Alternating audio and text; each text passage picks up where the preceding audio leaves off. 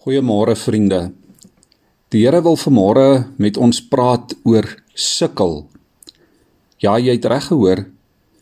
Niemand van ons hou regtig daarvan om te sukkel nie.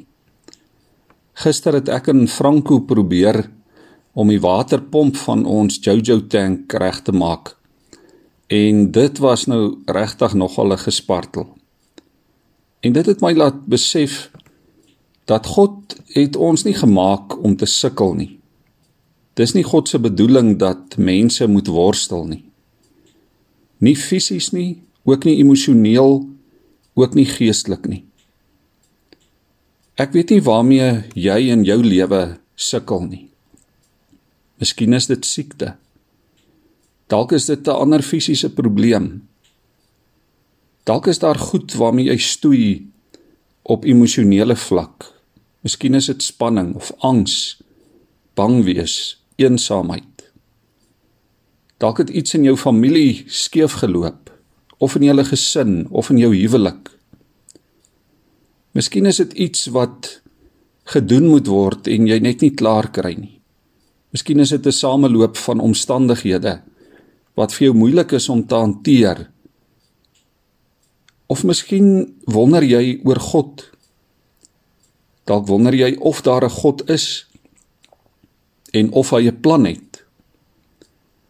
Dalk is jy al moeg van sukkel.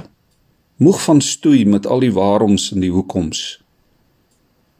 Ek moet erken die afgelope paar dae sukkel ek nogal om sin te maak uit dit wat besig is om te gebeur in ons wêreld. So sukkel ons almal nê. Die een of ander stadium die een of ander tyd met die een of ander iets. In Johannes 5 kry ons vir Jesus by die bad van Bethesda in Jerusalem. En Bethesda beteken huis of plek van genade. Siekes het geglo dat 'n engel die water by Bethesda laat beweeg. En as hulle dan in die water kom terwyl dit beweeg, dan kon hulle gesond word. In vers 7 sê 'n man wat al 38 jaar lank met sy siekte sukkel, sê hy vir die Here: "Meneer, ek het niemand om my in die bad te sit nie. Terwyl ek aansukkel, gaan iemand anders voor my in." En hoor wat antwoord die Here hom: "Staan op, tel jou goed op en loop." En die man was gesond.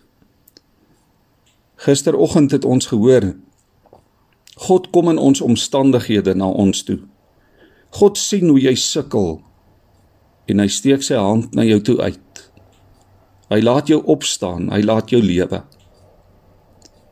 By die huis van genade ontmoet hierdie mens wat al 38 jaar lank sukkel, ontmoet hy die God van genade. Mag jou omstandighede, die plek waar jy vandag is, mag dit 'n plek en 'n tyd van genade vir jou wees.